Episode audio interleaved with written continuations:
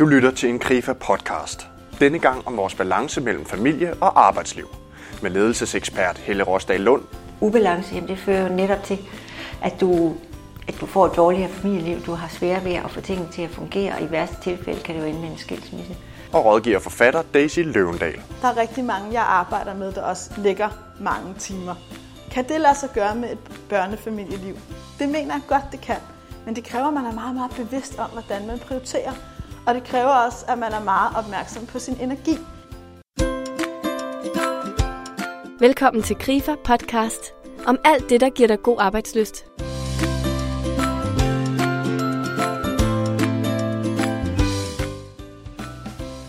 Grifa har sammen med analyseinstituttet YouGov gennemført undersøgelsen Balancen mellem familie og arbejdsliv. I ønsket om at understøtte danskeren i at opnå en god balance og få god arbejdsløst. Derfor har vi taget temperaturen på danskernes balance mellem familie og arbejdsliv. Jeg starter denne podcast med først at få Helle Rosdals Lunds kommentar til nogle af resultaterne i undersøgelsen. Mit navn er Jakob Fabricius. Velkommen til. Helle Rosdal Lund, i KRIFA der har vi lavet den her undersøgelse, hvor vi tager en temperaturmåling på danskernes balance mellem arbejdsliv og privatliv.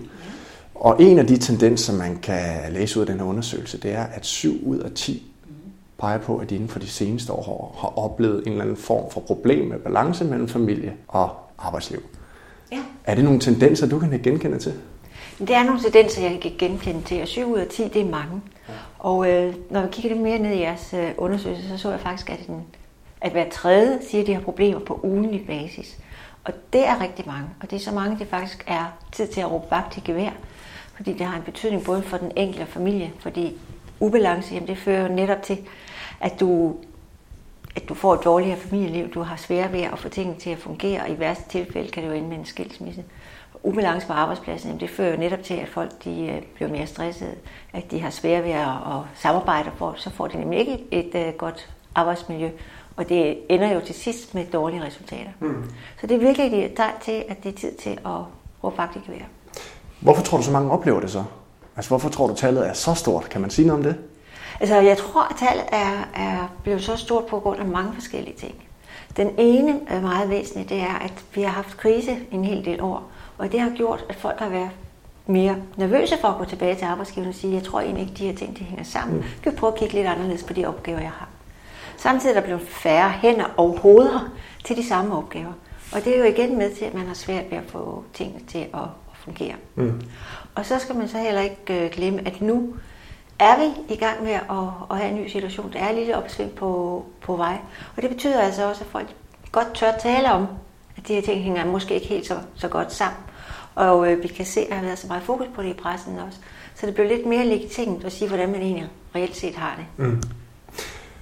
Tror du, der er en fare for, at, at det kan blive sådan lidt en, en hvilepude eller sovepude, det her, man siger, men det er jo også bare balancen, den er gal med at, mig som ansat, at jeg som ansat måske ligesom kan falde tilbage til den, og ligesom lade det blive sådan en, en undskyldning for ikke at præstere, eller for ikke at, at give en gas. Ja, det tror jeg faktisk ikke. Altså fordi når det er sådan, at man begynder at, at, øh, at, tale om, at man, man ikke kan få tingene til at hænge sammen, så er det jo fordi, at man er kommet dertil, at der er noget, der gør ondt. Du kan se, at, at det gør ondt. Du når måske ikke alle de arbejdsopgaver, du har nogle former, du har en vision, folk er utrolig lojale, og de er utrolig øh, bevidste om, hvad er det egentlig, jeg gerne ville bidrage med. Og øh, det er de også, hvis de vælger at, at, at få børn, ikke? så har de også tænkt sig nogle tanker, måske ikke lige da de sad der og planlagde familie, men, men alle har jo nogle drømme om, hvordan mit familieliv egentlig skal være. Hvad er det for en far, jeg gerne vil være? Hvad er det for en mor, jeg gerne vil være? Hvad jeg gerne have til at fungere? Og hvis du går på kompromis hele tiden, både med det derhjemme og med det på arbejde, jamen, så mister du balance, så mister du overblik, så får du sådan en følelse af ikke at slå til. Og det er jo den, som folk også reagerer på. Mm. Så jeg tror ikke på nogen som helst måde, at det bliver en sovepude. Okay. Og samtidig er vi blevet meget mere bevidst, altså det har man forsket meget, meget mere i, at det også betyder noget for virksomhederne om folk de har det godt. Ikke bare om de, de trives, ligesom en, en plante, han er så, men, men at det fungerer, at de kan samarbejde. Hvordan påvirker det, der sker på arbejde, det enkelte menneske? Altså, man bliver meget mere bevidst om, at balance ikke bare handler om fleksibilitet og kunne nå at hente børnene. Det handler egentlig også om, hvordan er det egentlig, vi går og har det og hvordan kan vi forholde os til de arbejdsopgaver, vi har, og giver det mening. Mm. Ikke? Mm. I CBAF så taler vi om det gode, bæredygtige arbejdsliv, hvor vi er nødt til simpelthen at gå ind og sige, jamen, hvordan får vi et godt arbejdsliv, hvor både den enkelte kan nå de ting, som han og hun skal i, i livet, hvordan du egentlig kan få nogle øh, arbejdspladser, hvor folk de trives, og hvor du samtidig også når de resultater, som du skal have, fordi vi skal jo konkurrere. Mm. Øh, vi skal jo overleve, ikke? Mm. Øh, og vi skal jo vækste på den positive, bæredygtige måde. Og hvordan kan vi gøre det, uden folk de bliver brudt ned, eller går ned med stress, eller ikke kan få til at hænge sammen. Mm. Så vi taler om, hvordan kan vi skabe det her gode, bæredygtige arbejdsliv. Nu har du jo haft øjnene op for det her i, i en del år efterhånden, Helle, og, ja. og vi i KRIFA har også fokus på det. Mm. Er der nogle vinde, du tror, der blæser ind på Christiansborg også? Altså vigtigheden med det her balance mellem arbejdsliv og privatliv? Øhm, det kan vi jo komme til at se her i, i, i valgkampen. Jeg kan godt have min, øh, min nervøse betragtning over, at vi har nogle gange set, at man har haft børnefamilierne med i en valgkamp. Men når det så bliver dagligdag, så bliver det nedprioriteret igen. Øhm, jeg tror, det er vigtigt, og det, det synes jeg ikke, politikerne har, har øjnene op for, at det, at familien de trives, og de er mere robuste, det påvirker rent faktisk deres visioner om at have en velfærdsstat. Og ligesom koble familiepolitik sammen med beskæftigelsespolitik og sammen med skattepolitik i et lidt mere stærkt familieministerium. Det tror jeg er enormt vigtigt. Mm-hmm. Øhm, der kan jeg godt være en lille smule bange for, at vi ikke virkelig rykker på det her område. Ja. Lad os prøve at dykke ned i øh, en anden tendens for undersøgelsen, Helle. Hvor øh, det er en tendens, der er, at mere, hvad anden, mere end hvad anden siger, at de flere gange om måneden oplever at skulle møde tidligere, mm. eller gå senere hjem for arbejde end planlagt. Ja. Tror du, det er et retvisende billede også, når du tænker på sådan din erfaring og det, du møder i, i dit arbejde? Ja, jeg tror, det er et meget retvisende billede, fordi at, øh, der er mange ting på arbejde. Og hvis du ikke går ind og, og får en dialog om, hvorvidt den her opgave virkelig er vigtig at få løst, øh, og arbejdspresset, jamen så vil du hele tiden skulle nå noget mere. Mm. Så du er også nødt til en gang imellem at sige, stop op, passer de her ting sammen. Og nu er der lige kommet en, øh, undersøgelse for hvad hedder det, det Nationale Forskningsinstitut for Arbejdsmiljø, den kom her for et par dage siden, som hver andet år prøver at kigge lidt på danskerne. Og de var inde og sige, at øh, både i forhold til tid, så oplever danskerne, at arbejdslivet tager mere og mere af deres tid. Og øh, i forhold til energi, man er også inde og se, hvad er det for en energi, du har, når du kommer på arbejde, og du tager med hjem. Øhm, så oplever de også, at arbejdet tager mere og mere energi, så du faktisk ikke har energi og overskud til at komme hjem til familien. Okay. Og der er også sket en forværing. Så kompleksiteten er noget større? Den bliver meget, meget større. Ja. Og det underbygger egentlig jeres undersøgelser. Øh, hvor I med egentlig kan sige, at jeg har, har ramt hovedet på sømmen. Der er mange, som oplever en stigende ubalance, og de gør det, fordi at de skal være længere tid på arbejdspladsen. Ja, ja. Det leder mig måske hen til, til nogle konkrete råd. Hvad, hvad, har du nogle gode råd til, hvordan vi så kan opbygge eller opøve en bedre balance mellem arbejdet og, og privatlivet? Ja. Jeg tror, I starten handler det måske lige om at være bevidsthed, både for dig selv og så for dine, dine kollegaer og din chef. Så derfor er det meget godt med at lave en to-do-liste, når du er færdig på arbejde. Hvad er det for nogle ting, som jeg skal øh, have lavet dagen efter? Og så dagen efter, jamen, så må du så gå ind og sige, holder det her stadigvæk stik? Er der kommet noget mere ind, så er jeg nødt til at tage en dialog med øh, min chef eller med min kollega omkring det, vi skal nå. Mm. Og så er der sagt en, en uh, god idé også at lave en anden lille bitte liste for en, for en selv, og den hedder I did list. Altså, hvad var det, jeg så fik fra hånden? Mm-hmm. Fordi nogle gange er der jo netop, som jeg sagde, at der er en masse andre opgaver, der kommer ind. Og hvis du kun kigger på din to-do-liste, og det måske kun var 3 ud af 10, du reelt set noget, og så ser på, hvad du så rent faktisk nåede, fordi der kom mere ind, så er der måske noget 10 ting, eller 10 vigtige ting, og de rigtige 10 vigtige ting. Mm-hmm. Og det gør også, at du får en, øh, en bedre følelse af, at du rent faktisk har opnået den her, noget den her dag. Øhm, og så er det et, andet, et tredje godt råd, det er, at du går ind i din kalender, og sørger for, at du også booker tid af til forberedelse til møder. Det tager altid tid at forberede møder. Det tager altid tid efter efterbehandle møder. Så du får det vist lugte øh, ind i kalenderen. Og også tid til, at øh, hvis du skal lave nogle andre typer af opgaver, eller hvis du skal holde nogle pauser, jamen book det ind i din kalender. Øh, der har været en amerikansk undersøgelse, som viser, at de mest effektive mennesker, de arbejder 52 minutter, og så holder de pause i 17. Mm. Øh, det er dem, som egentlig topperformer. Og det går jo lidt i strid med den opfattelse, man tit har på arbejdspladserne, at hvis du tager en pause, jamen, øh, så slapper du lige lidt lovligt af. Ikke? Men du skulle faktisk koble den sammen med produktivitet. Så gå ind i din kalender, book tid til forberedelse, book tid til de andre typer af opgaver, og også bruge tid til at holde en pause. Okay. Og så det sidste, det vil sige, det er at sørge for, at du har en form for urørlighedszone. Altså en urørlighedszone, det er et tidspunkt, hvor du i hvert fald ikke kan nås rent arbejdsmæssigt. Hvor du kan have tid til dig selv og din familie eller din kæreste eller den, du er en del af. Fordi arbejde og familieliv, det smelter meget mere sammen. Det er meget mere integreret. Og det er også fint for rigtig, rigtig mange. Men vores krop og vores hjerne passer på os. Og de er ikke politisk korrekte. Så hvis de ikke får lov til, altså hjernen simpelthen ikke får lov til at slappe af og gøre noget andet, men så kører den, altså så den, du ved hvad, øh, nu begynder det at gå galt i din krop. Og så begynder du at blive syg. Og i værste fald får du stress eller får en form for depression. Så netop ved at holde de her urørlighedszoner heldige hver dag, hele ugen, 365 dage om året, jamen så er du med til at sikre, at du er langtidsholdbar. Mm-hmm. At du kan have et godt liv, mm-hmm. øh, både på arbejde og derhjemme, fordi selvfølgelig hænger livet sammen. Men jeg køber ikke den her politisk korrekthed, som siger, at vi godt kan være på hele tiden, fordi arbejde og familie øh, flyder sammen. Mm. Jeg har kigget på rigtig meget hjerneforskning, øh, som viser det modsatte, at hjernen virkelig passer på os, og det skal vi lytte til. Så det, det, det, man kan sige, det kalder for, at vi ligesom øver os i at opdele arbejde på privatliv i et eller andet omfang. Ja. Nogle gange lukke af fra arbejdet. Ja. Og... Løber os i at få nogle små luftlommer mm. i, i løbet af en dag, hvor man siger, at det her det er min tid, min tid, min tid med familien. Her er, dyrker jeg nærværet. Her er jeg bare til stede nu.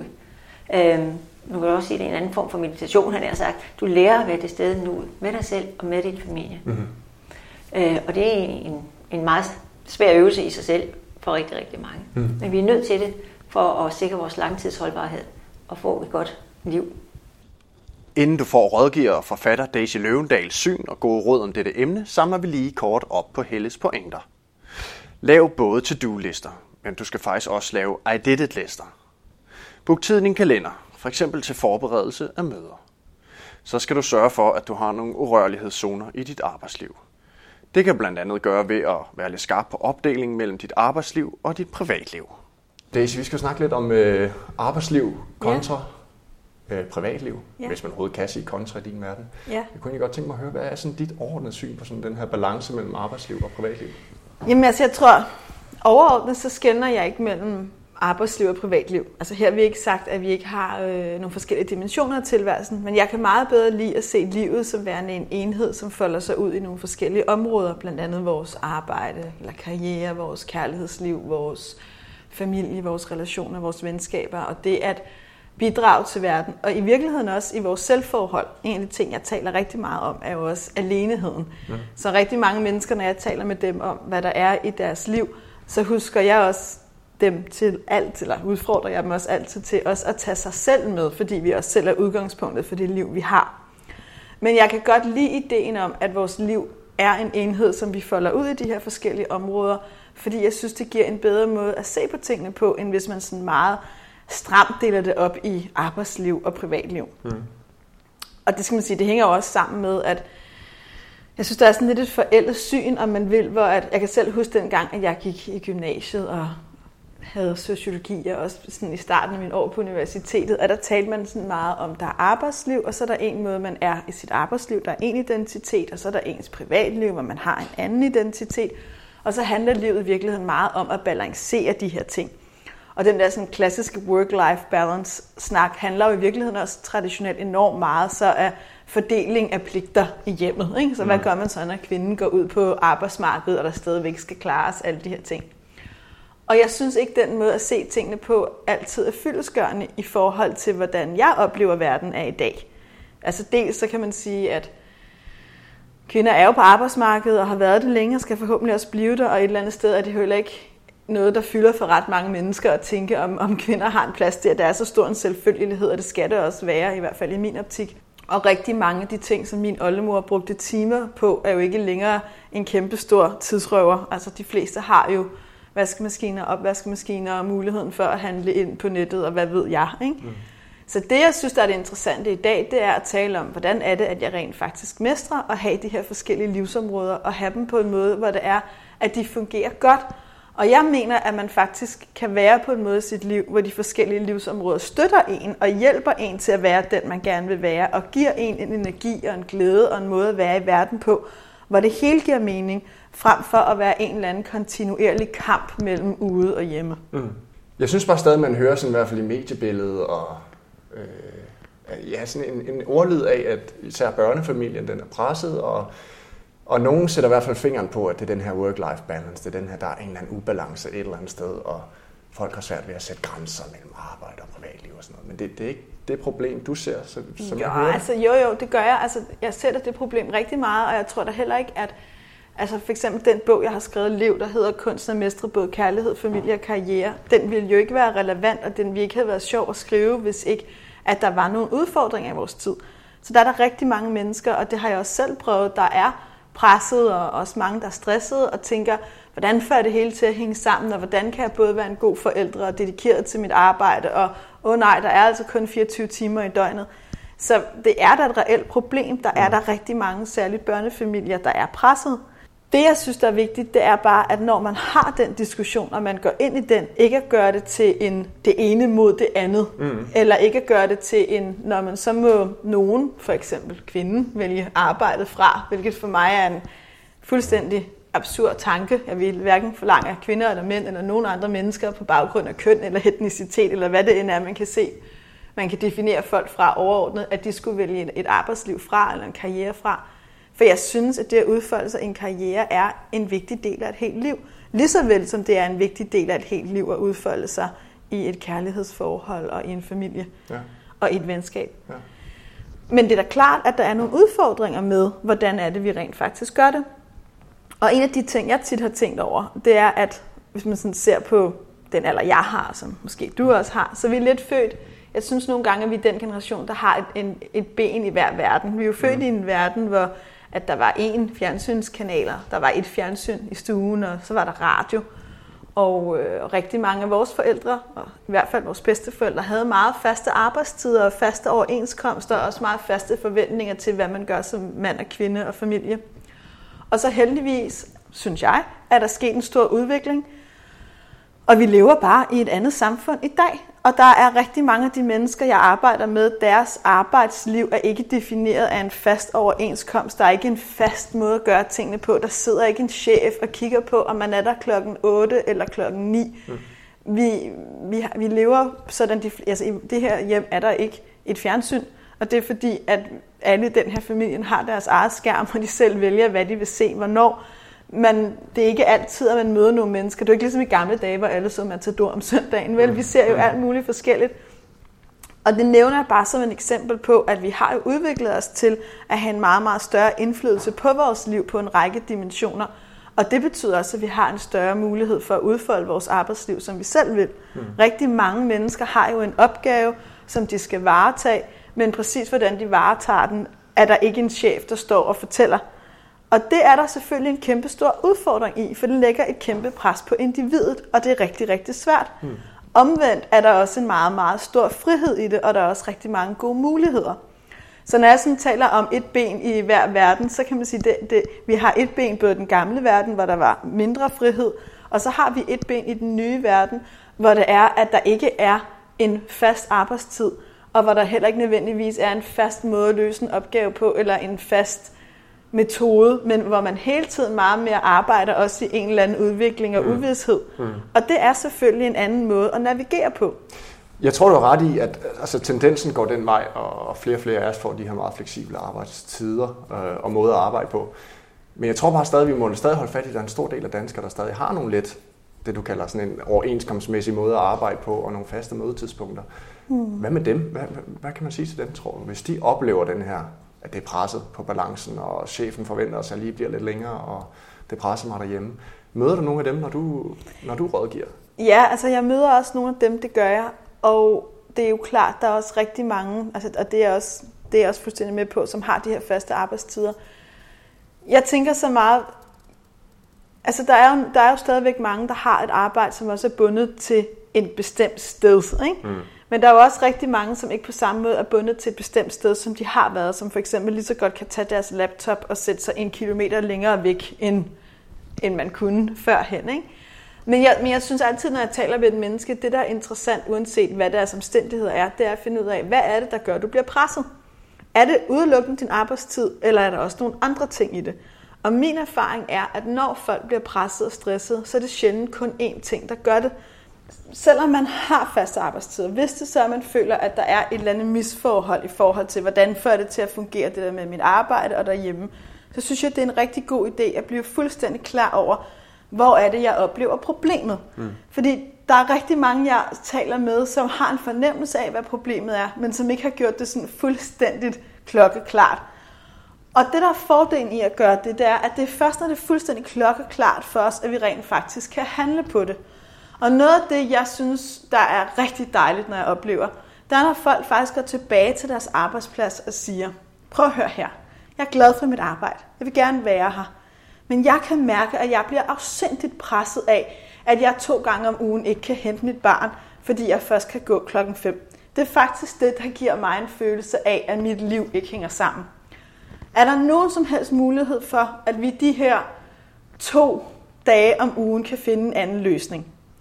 Det er rigtig tit, at jeg oplever, at arbejdspladser faktisk er mere fleksible, end man tror. Mm. Særligt hvis der man har gjort udfordringen fuldstændig klar.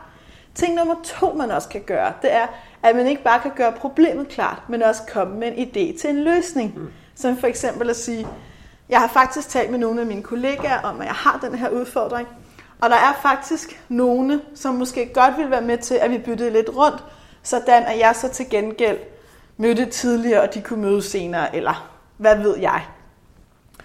Og det er klart for mig, at det er også et eller andet sted en del af en større trend, som jeg jo synes, der er i gang, men jeg også synes og håber bliver endnu større, at vi rent faktisk tør tage den der samtale, hvor vi er. Hvad er det egentlig, der skal til for, at tingene fungerer her? Så et af de råd, jeg jo giver i bogen Lev, det hedder også, indret din verden efter dig selv. Og det jeg jo oplever, det er, at når man finder det mod ind i sig selv til rent faktisk at turde ændre på tingene, selvom man tænker, åh oh, nej, det kan jeg ikke, og så tror folk, jeg vil have særbehandling, eller synes jeg er vildt besværlig. Men når man ligesom lægger det lidt af side og prøver at komme tilbage med, hvad er det egentlig, jeg har brug for, jamen så er det jo også, at man nogle gange kan finde de kreative løsninger, så man rent faktisk kan få det. Mm. For der er jo ikke nogen, der i sidste ende har nogen interesse i, at folk går ned. Så man kan sige, det er sådan en helt konkret ting, man kan gøre, det er at blive rimelig klar på, hvor er det problemet opstår. Er det, det, det på arbejdet? Hvad med hjemmefronten? Er der nogle aftaler der, der skal på plads, eller hvordan ser du det? Hvis nu man er den her børnefamilie, mand, kone, børn osv. Ja. Standardopsætning. ja, men altså uanset om man har en standardopsætning eller en variation over samme tema, så synes jeg, at noget af det, jeg arbejder med rigtig mange med, det er at have en strategi, og det er både for deres eget liv, men bestemt også for deres forhold og deres familie. Og med strategi, der tænker jeg, at man simpelthen stiller sig klart, for eksempel hen over et år, hvad er virkelig vigtigt for os? Mm. Hvad giver os virkelig følelsen af, at der er mening i hverdagen? Hvad giver os følelsen af, at det er sjovt? Og når man så ligesom har stillet ind på de her sådan lidt større ting, og måske har formuleret nogle fælles drømme, så også prøv at blive helt klar over, hvad skal der egentlig til, for at det her kan lade sig gøre? Fordi det, jeg nogle gange oplever også, der skaber pres hos folk, det er den her følelse af, at man hele tiden ikke når det, man gerne vil. Mm. At man aldrig kommer til den der fodboldaften med vennerne, eller at man fredag efter fredag bare klasker om i sofaen og siger, du må ikke tale til mig, jeg er bare så træt. Ikke? Men nogle gange, så kan de ting jo rent faktisk forebygges ved, at man får måske hvilet ud torsdag aften, eller får aftalt, at hver anden weekend, der om lørdagen, der er der fodboldaften, eller hvad det nu end er. Men i stedet for at stå og tage en masse beslutninger hver enkelt presset dag, så prøv måske sådan at tænke lidt længere. Mm. Fordi det er også, nogle gange kan man også lidt nemmere at sige, okay, det er en lidt hård uge lige nu, men det er også okay, når jeg ved, at efter det, så sker der noget andet. Og når jeg taler meget om strategi, så er det også fordi, jeg oplever nogle gange, at folk drukner i nogle perioder. Og det, der tit får dem til at drukne i den der periode, hvor der bare er enormt travlt, er også fordi, de ikke altid føler sig sikre på, at der så bagefter sker noget andet. Hmm. Så, så uanset om det er ens familie, der lige nu er ekstra travlt på grund af, der er meget sygdom det første halve år, man har et vuggestuebarn, eller det er svært at køre et barn i en skole, eller hvad det nu end er. Hvis man ligesom også ved, jamen når vi har gjort det her, så vil vi også virkelig sørge for, at der sker noget andet bagefter. Ja, så det er nemmere at gennemleve, mener du? Ja, så det er nemmere at gennemleve, ja. præcis. Ja. Så jeg siger altid, jamen der skal være perioder, hvor der er meget pres på. Det er okay, det er svært at undgå, men der skal også være perioder, hvor der er rigtig meget fokus på bare at være sammen og have fri og slappe af. Mm. Så sådan det der med hele tiden at sørge for, at det ene bliver afløst af noget andet, det tror jeg også er en måde at skabe balance på jævnligt, mm. som faktisk kan give grobund for, at man oplever det som meningsfuldt. Mm. Tror du, man kan give den sådan øh, max gas med karrieren? Altså virkelig arbejde mange timer? I så fald, hvordan kan man gøre det? Mm. Fordi jeg ved jo, at du i bogen øh, i hvert fald pladerer lidt for, at man faktisk rent faktisk godt kan arbejde meget og gøre karriere samtidig for det til at hænge sammen. Kan man sige noget om det? Jamen, det kan man godt. Altså noget af det første, jeg får lyst til at sige, det er, at for mig, der er det at gøre karriere og arbejde meget, ikke nødvendigvis kun mange timer.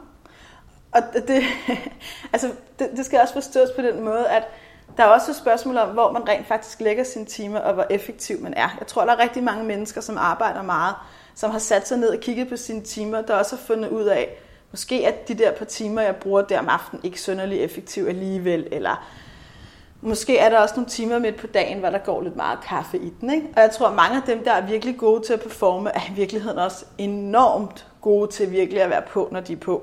Og det betyder også helt ned til sådan nogle basale ting, som måske ikke at have Facebook kørende på computeren, og måske ikke at have Messenger tændt, og måske ikke at have push notifications på sin telefon. Alle de der små ting, som også skaber forstyrrelser. Det er den ene side. Den anden side er, ja, der er rigtig mange, jeg arbejder med, der også lægger mange timer. Kan det lade sig gøre med et børnefamilieliv? Det mener jeg godt, det kan. Men det kræver, at man er meget, meget bevidst om, hvordan man prioriterer. Og det kræver også, at man er meget opmærksom på sin energi. Men der vil jeg sige, at nogle gange møder jeg mennesker, som arbejder lidt. Altså jeg møder jo også dem, der arbejder 25 timer om ugen, eller 32 timer om ugen. Men der er nogle af dem, som også fortæller mig, at de mistrives i deres job.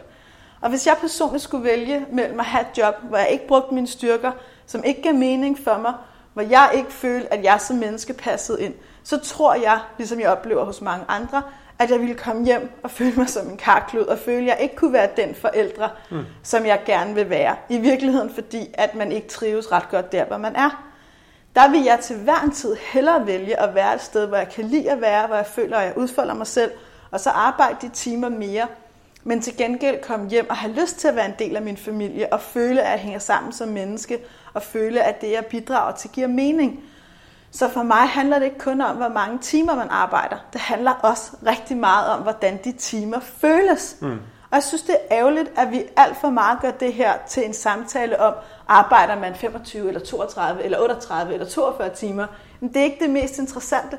Det mest interessante er, hvordan har du det med de timer, du arbejder, med alt det andet, der også er vigtigt for dig.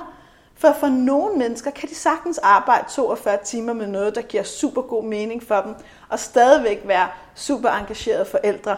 Og for andre, der er bare de 25 timer, der, hvor de skal være et sted, er så stort et helvede, at der bare ikke er ret meget tilbage, fordi man ikke er glad for at være, hvor man er. Og det kender vi jo alle sammen. Der er jo ikke noget, der kan suge så meget af ens livsenergi, som at gå ikke at være glad, hvor man er. Så, så for mig, der er det allervigtigste næsten, det er, gør dig selv og din familie den tjeneste, at have et, et arbejdsliv, en karriere, som der rent faktisk synes fungerer for dig. Du har nu lyttet til en Krifa-podcast med Helle Rosdal Lund og Daisy Løvendal. Lad mig også lige her opsummere Daisys pointer. Du skal finde ud af præcis, hvad det er, som presser dig, og så tale med din ledelse om det. Sørg for at præsentere en løsning, frem for bare at skitsere et problem. Indret din verden efter sig selv. Det må nødvendigvis også påvirke dit arbejdsliv. Men du kan lade dig inspirere af mange af vores andre podcasts. Blandt andet om, hvordan leg kan blive til arbejde, eller hvordan du kan opretholde motivationen i dit arbejdsliv. Find dem på appen God Arbejdsløst eller via en traditionel podcast-app. Vi laver en ny spændende podcast hver uge, som du kan have med på farten eller lytte til, imens du vasker op. Tak fordi du lyttede med, og på genhør.